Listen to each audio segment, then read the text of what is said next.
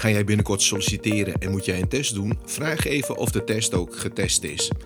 En een tweede, waar staat het bedrijf voor? Hebben ze kernwaarden waar jij in kunt vinden? Niet geheel onbelangrijk. En als laatste hoor jij ook de verhalen van Simon Sinek over why. Nou, het blijkt bullshit te zijn. Luister verder.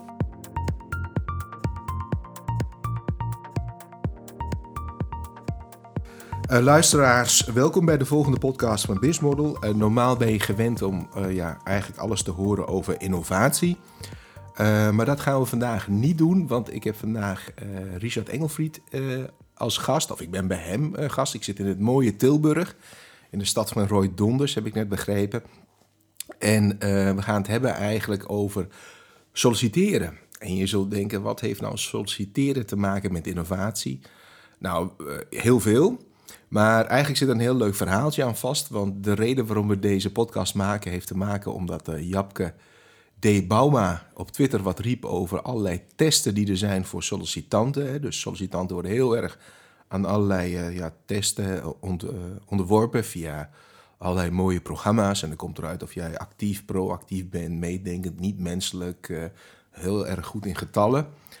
En uh, toen zei ik erop van ja, maar volgens mij kun je de verhaal ook omdraaien. Waarom zou je de werkgever niet gaan testen als werk, potentiële werknemer? Want ja, je gaat toch een soort huwelijk aan. Daar moet jij gelukkig worden. Uh, of in ieder geval blij worden. Dat je elke dag uh, zonder lood in je schoenen naartoe gaat. Toen dachten we, nou, misschien kunnen we nou een leuke podcast over maken over, over solliciteren.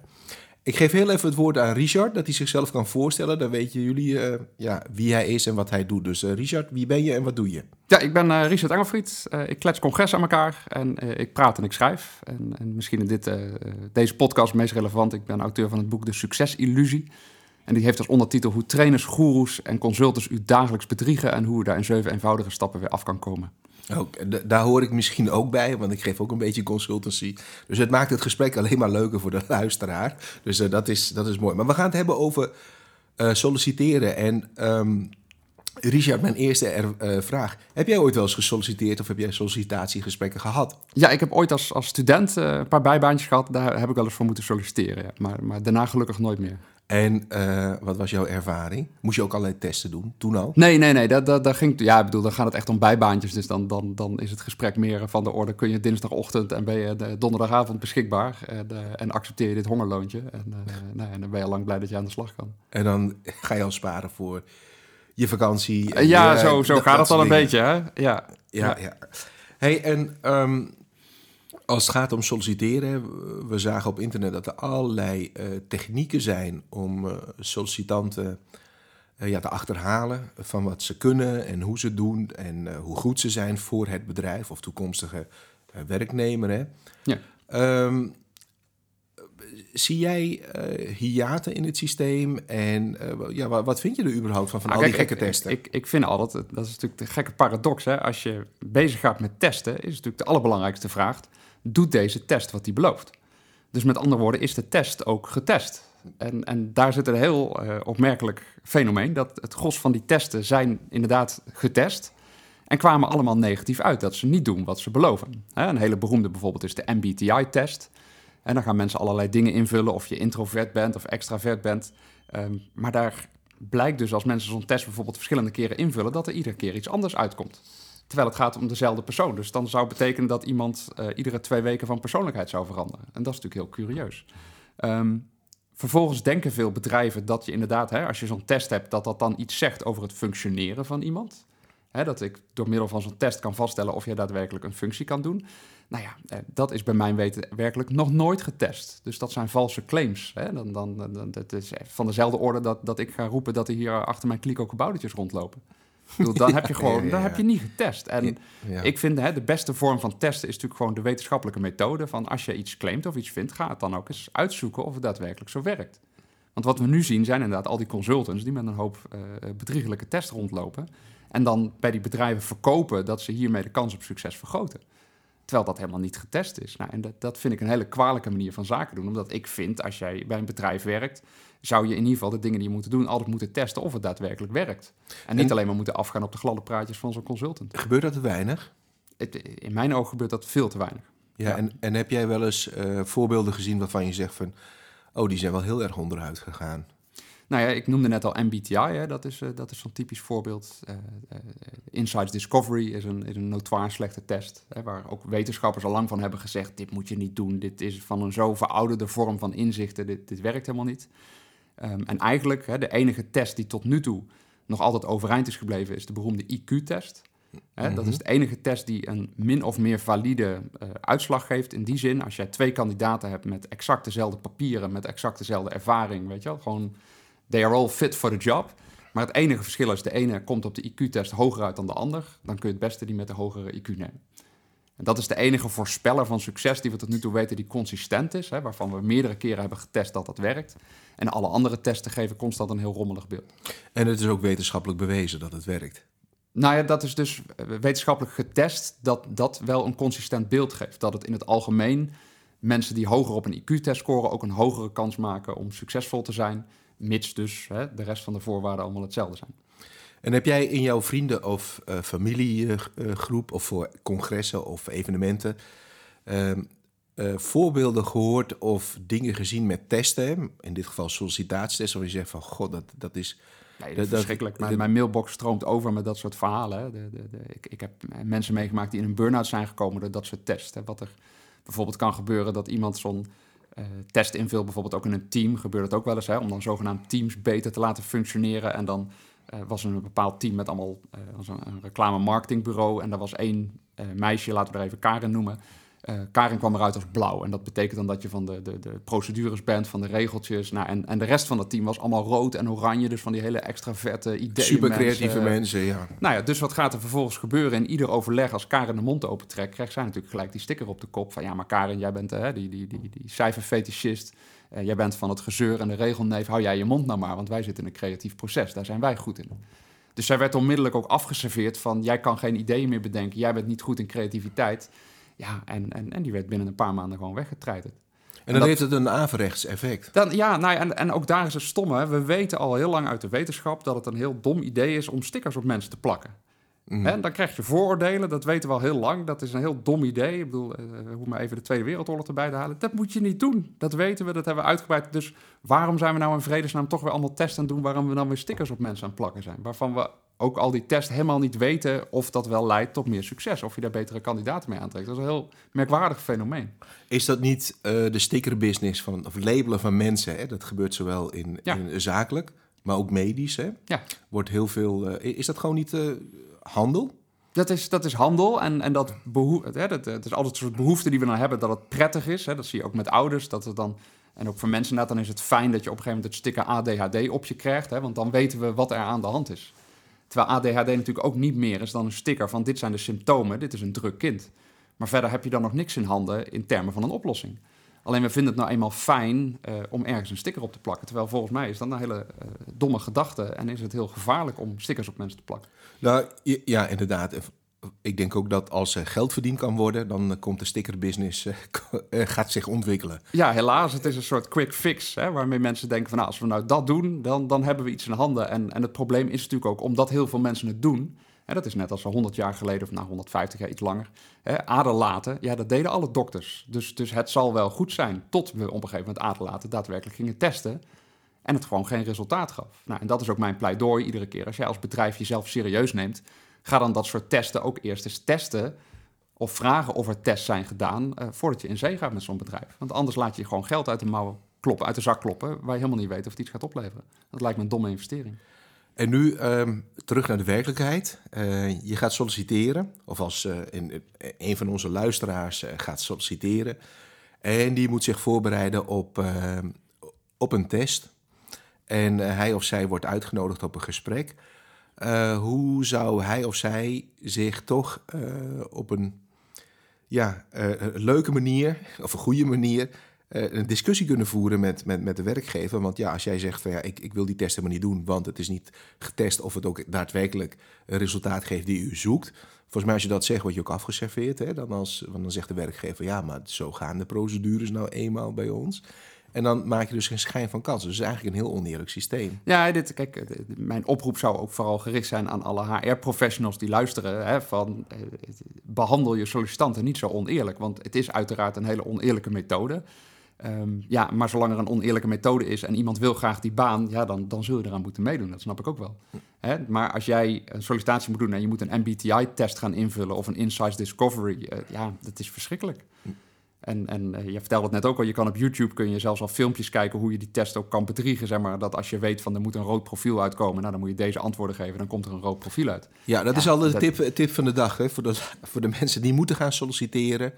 Als je een test moet doen, vraag op voorhand welke test je moet doen. En ga er gewoon dingen over lezen. Met name op YouTube staan uh, een aantal tips van hoe je bepaalde, uh, de, bijvoorbeeld de disk-test, die kun je ook heel goed faken. Ja, dat is ook een verschrikkelijk voorbeeld. Ja, uh, maar er staat op YouTube van hoe je de vragen kunt faken om een, om een antwoord te krijgen. Dus ja, als je dat op een gegeven moment weet, kun, ja, kun je er ook op anticiperen door, ja. door aan mee te ja. dealen. Ja, als het willen, dan kun je het ook krijgen, hè? even heel plat gezegd. Nou ja, en, en tegelijk kun je natuurlijk ook afvragen, het is nu een tijd van, van schaarste op de arbeidsmarkt. Uh, dus je kan volgens mij ook uh, wat selectiever zijn en zeggen van ja, bij dit bedrijf, ik weet niet of ik hier wil werken. Of dat je van tevoren eens een mailtje stuurt van, hè, dat, dat is ook nog wel een tip die ik vaak geef van, ga eens kijken waar zo'n bedrijf voor staat. Hè, want vaak hebben die bedrijven allemaal prachtige missies en verhalen van wie ze willen zijn. En daar staan heel vaak ook van die omschrijvingen in van, wij zijn op zoek naar kritische medewerkers, wij willen uh, verder kijken dan de waan van de dag. Nou, als je dat soort kreten hebt, dat kan natuurlijk een soort anker zijn Um, om in jouw sollicitatie of in een mailtje of wat dan ook even toe te lichten. Van ja, jullie zeggen hè, dat je op zoek bent naar kritische medewerkers. Nou, dan heb ik hier nog wel een kritische factor. En dan kun je ook gelijk kijken of die waarden waar zo'n bedrijf mee zich profileert, of die ook daadwerkelijk in de praktijk terugkomen. Ja, heb je wel eens een top, uh, een, een lijst van uh, tenenkrommende uh, vragen gezien die bedrijven vragen van medewerkers? Ja, de, de, de, ja, de, de, de, de allerergste, dat, dat vind ik ook nog steeds zo'n managementtheorie. Uh, die, die, dit snap ik nog steeds niet waarom mensen daar nog altijd in geloven. Maar dat is natuurlijk dat idiote verhaal van die Simon Sinek. Uh, dat succes begint met why. En dat je eerst die why ja. moet hebben. En ook dat heb ik van mensen gehoord, dat ze dat dus ook in een sollicitatiegesprek, dat ze dan hun why moeten gaan vertellen. Echt waar? Ja, dat is verschrikkelijk. Ja, en, en, dat vind ik wel even de grootste idiotie. Ik bedoel, die, die man zit echt op hetzelfde niveau als hè, waar ik net over had met, met kaboutertjes, met wiggelroeden lopen, met, met horoscopen. Dat is echt van een libellenniveau, dat wil je niet weten. Ik bedoel, dan is, dan is de happiness zeg maar al hogere psychologie. Dit staat echt helemaal onderaan de kliko. En, uh, en toch, uh, heel veel HR-professionals die lopen weg met die man. Hij komt uh, over een paar maanden naar Nederland toe en het is uitverkocht. En mensen kopen een kaartje en, en die gaan luisteren naar die kerel. Dat is natuurlijk dat is de grootste charlatan ter wereld op dit moment. Maar waar, waar zit zijn charlatan-factor dan in, in dat why? Wat, wat klopt er dan niet aan? Dat, dat hij geen enkele moeite heeft gedaan om te bewijzen dat het zo zou zijn dat bedrijven met why succesvoller zijn dan bedrijven zonder why. En uh, in zijn beroemde filmpje gebruikt hij bijvoorbeeld Apple. Hè, dat is dan het voorbeeld van Steve Jobs. Die zou dan ook de status quo uitdagen. Dat zou dan de why zijn van Apple. Nou, dat voorbeeld klopt al niet eens. Want als je gewoon dus de, de, biografie van Steve Jobs gaat luisteren, die, die zegt letterlijk in zijn boek: hè, Apple is a product company. We yeah. put the product ahead of anything else. Uh, Steve Jobs was gewoon een enorme nerd. Ja. En die wou een fantastische computer bouwen. Die was helemaal niet bezig met: God, ik wil nou eens de status quo gaan uitdagen. Hoe zou ik dat eens gaan doen? Zal ik iets met rioolbuizen gaan doen? Uh, ga ik nieuwe bidons maken? Een leuke fiets? Nee, die man wou gewoon een computer maken. Ja. En een telefoon. En, en dat was het ding. En dat ging hij maken. En dat had niks te maken met uitdagen van de status quo. Dat is de lulkoek die Simon Sinek vervolgens is gaan verkopen. Nou, en dat is wat die man vervolgens met, uh, in zijn boek doet. Hè. Dat, dat heet dan anekdotische bewijsvoering. Dat zien we ook in de homeopathie. Uh, dat heeft niks te maken met serieus testen, maar dan ga je gewoon wat voorbeelden bedenken die jou goed uitkomen. En daar ga je dan je verhaaltje aan vastpakken. Maar dat heeft natuurlijk niks te maken met daadwerkelijk onderbouwen dat er bedrijven zijn met een why die succesvoller zijn dan bedrijven zonder why. En hetzelfde geldt ook voor sollicitanten. We weten helemaal niet of het zo werkt dat mensen die hun why op orde hebben uh, meer of minder succesvol zijn. Ik lag vanochtend bijvoorbeeld net over Mick Jagger.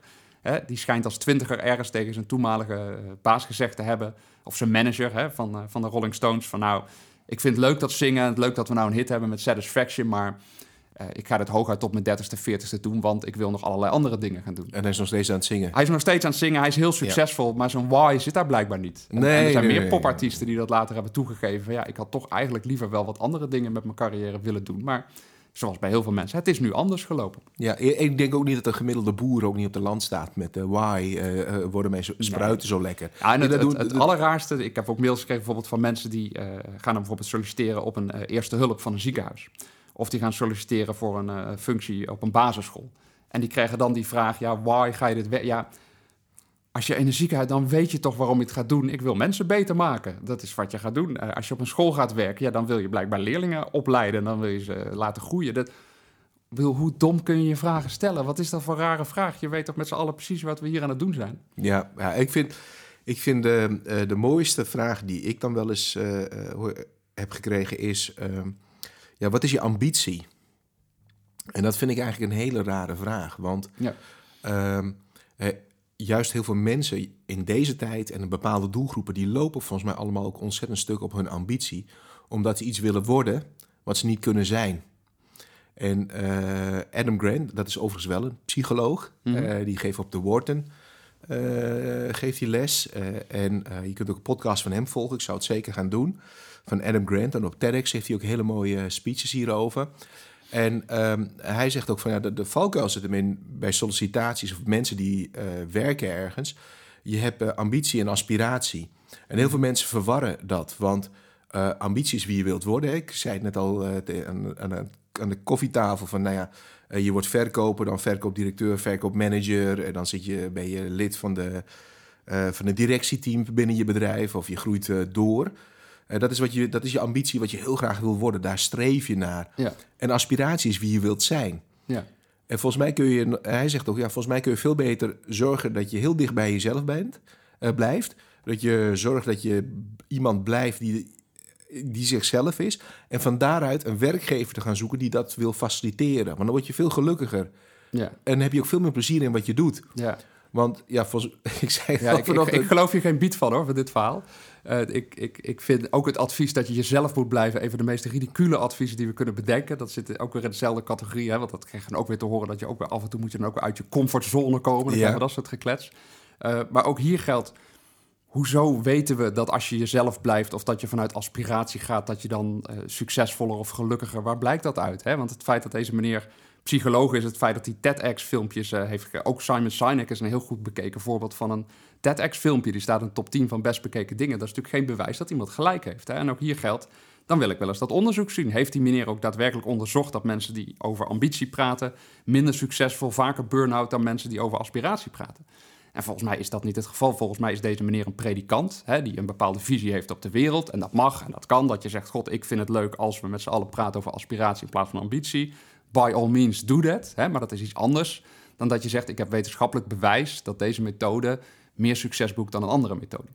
Ja, waar hij, waar hij met namelijk op eh, ingaat, is het feit dat eh, als het je heel veel energie kost om iets te bereiken of iets te doen, dan heb je per definitie al moeite. En dan wordt die eh, weg die je heel graag hebt, die ambitie weg, die wordt dan veel problematischer. Dat heeft hij dus wel degelijk onderzocht. Ja, Eh, ja, ik, ik, ik ben benieuwd naar het onderzoek. Laat, laat het mij dat. eh ik- stuur het vooral eventjes op. Want ook daar moeten we altijd kijken hoe heeft deze meneer dat onderzocht. Want we hebben bijvoorbeeld in de psychologie. eh, is een, grote, eh, een groot issue rondom replicatie. Hè? Dat Ja. betekent dat, eh, stel dat dit onderzoek, stel dat het een beetje deugdelijk is onderzocht, dat is al vraag 1. Maar vraag 2 is, stel dat dat zo zal blijken, blijkt dat als soms andere onderzoekers dat onderzoek gaan herhalen, dat het effect helemaal niet blijkt op te treden. Dus heel veel van die eh, onderzoeksbevindingen zijn vaak toevalstreffers. En tot nu toe is het in de psychologie zo dat meer dan driekwart van alle onderzoeken die zijn overgedaan, die gaven niet het oorspronkelijke effect. Dus dat is een heel belangrijk gegeven in je achterhoofd en altijd te houden als, als een psycholoog zegt dat hij bewijs heeft voor het een of ander. Altijd van, ho, ho, wacht even, even kijken, is het daadwerkelijk ook herhaald? Hebben andere onderzoekers hetzelfde resultaat gegeven? Of is dit toch een voorbeeld van een toevalstreffer? Maar betekent dat als je dat zegt, eh, Richard, dat eh, een derde van alle eh, onderzoeken op losse schroeven staat? Nee, het Zou kunnen staan? dat van alle onderzoeken die we tot nu toe dus hebben getest, hè, die we hebben overgedaan, Ja. daarvan is driekwart eh gaf niet het oorspronkelijke effect. En dat is dus een indicatie, want we weten dus niet, want tot nu toe is ongeveer 2 à 3 procent van alle psychologisch onderzoek overgedaan. Dus dat is maar een heel klein stuk. Alleen van dat stukje bleek het overgrote deel niet dat effect te geven. Dus het geeft te denken. Hè? En dat betekent dus ook dat we heel veel onderzoek moeten gaan overdoen. Dat is een hele belangrijke uitdaging voor de wetenschap. Ehm, maar het geeft dus wel aan van laat je dus ook als luisteraar niet te snel in de luren leggen van iemand die op een TEDx-verhaaltje aankomt met ik heb onderzoek gedaan naar. Vraag dan altijd even, oh wacht eventjes, hoe heeft u dat onderzocht? Wat heeft u precies onderzocht? Kloppen die conclusies wel met dat onderzoek? Want ook dat ben ik regelmatig tegengekomen. Dat allerlei mensen allerlei wilde conclusies trekken. En als je dat gaat natrekken, dan blijkt het niet meer te zijn dan een uitgebreide enquête. Hè? Eh, Angela Duckworth bijvoorbeeld is zo'n eh, zo'n voorbeeld. Dat is een mevrouw die zegt dat succes alleen maar samenhangt met doorzettingsvermogen ehm, en passie. Eh, en dat blijkt ze gedaan te hebben door aan succesvolle mensen te vragen of ze doorzettingsvermogen en passie hebben. Ja, Ja, zo lust ik er ook nog wel een. Ja, maar ook deze mevrouw is hoogleraar psychologie uit Amerika. Ook deze mevrouw heeft TEDx-verhaaltjes gedaan. En dat is dus geen enkele garantie dat deze mevrouw Gelijk heeft. Nee, precies. Ja. Sterker nog, Wie, heel kritiek hoe heet ze nou van de correspondent heeft daar een boek over geschreven, over statistieken. Hoe Ja. je, eh, Sanne Blauw, Ja. geloof ik, hè? Ja, ik heb het boek gelezen. Ja. Die zegt ook van ja, als je alles leest, ga eerst, eerst op onderzoek uit, zelf. Precies. En probeer de bronnen te achterhalen Ja. van hoe is het gedaan en waarom Ja. is het gedaan. En Ja. dat twee keer eh, eh, vragen. Dus geloof exact. niet zonder meer alle eh, uitslagen van dit Nee. soort dingen. Nee. Want dat is vaak het leren. hè, er is in principe geen slecht onderzoek, maar er zijn wel slechte conclusies uit onderzoek. En, en wetenschappers zijn daar helaas soms ook schuldig aan, dat ze dus slechte conclusies trekken op basis van hun eigen onderzoek. Oké. Als je nou gaat solliciteren, hè, dus je, je, je, je wordt dan gevraagd, een, een 9 tot 5 mentaliteit krijg je dan te horen. Ja, Eh, je moet proactief zijn. Ja, eh, je moet, eh, ja, wat zijn nog meer van die dingen die ze tegenwoordig allemaal vragen? Eh, heb jij nog wat dingen die. Nou ja, kijk, volgens mij ook hier, hè, eigenlijk de enige relevante vraag, zoals het in Tilburg dan zouden vragen, kende jij dit? Hè? Dat is het enige wat je zou moeten vragen. En volgens mij zou het ook veel effectiever zijn als we solliciteren. Veel met dat als uitgangspunt. Dus ook gewoon hetzelfde. We, we laten mensen weer testen. En er zijn bijvoorbeeld ook nu bedrijven, eh, dat, dat, dat is een eh, Amerikaans fenomeen. Hè? Dat is een, beroemde bakkerij in New York. Dat heet in het, Amerikaan, of in het Engels dan eh, open hiring. En die zeggen gewoon, als jij hier wil komen werken, mag je gewoon morgen beginnen. Mhm. En dan gaan we gewoon kijken hoe dat gaat. En dan gaan we na een week gewoon maar eens de balans opmaken van... eh, eh, lukt het jou? Eh, werk je mee? Eh, vind je het fantastisch? Vind je het leuk? Kun je het een beetje? Et. En die methode lijkt mij ook veel zinvoller... als jij iemand op een marketingafdeling wil aannemen... om persberichten te gaan schrijven. Ja, je kan een heel verhaal gaan voeren of je wel proactief bent... en een 9 tot 5 mentaliteit. Maar je kan iemand ook gewoon eens een persbericht laten schrijven. Ja, dan dan ben je gewoon meteen, daadwerkelijk je werk aan het doen. ja, dan En- weet je meteen wat het, eh, wat het resultaat is. ja, dan, dan ben je daadwerkelijk aan het testen. Want anders ben je toch een, een hele wolk aan, aan van dat jargon. Hè? Want dat, dat is altijd waar ik samen met Japke de Bouma inderdaad voor strijd. Of eigenlijk tegenstrijd. Zo van, we zijn een heel kletsverhaal, maar niemand weet eigenlijk meer waar het over gaat. Want wie zegt nou van zichzelf dat hij niet proactief is? Wie zou van zichzelf zeggen, ja, ik, ik ben gewoon een beetje eh, reactief, afwachtende, eh, niet goal-gettende, resultaatgerichte, niet teamplayer. Dat zegt niemand. Ja. Dus wat zegt het nou als jij van jezelf zegt dat je proactief bent? Dat is natuurlijk een enorme kletskoek. Ja, het is wel grappig dat je dit zegt, want ik had laatst op LinkedIn opgezocht eh, communication. Je kunt personen, hoeveel mensen in Nederland, hoeveel mensen hebben communication in hun functieprofiel Ja. staan. Hè? Ik kwam uit op 314 of 330.000 mensen in Nederland hebben communication, Ja. in welke vorm dan ook in hun, eh, eh, in hun omschrijving staan. Ja. Eh, en toen typte ik in loodgieter.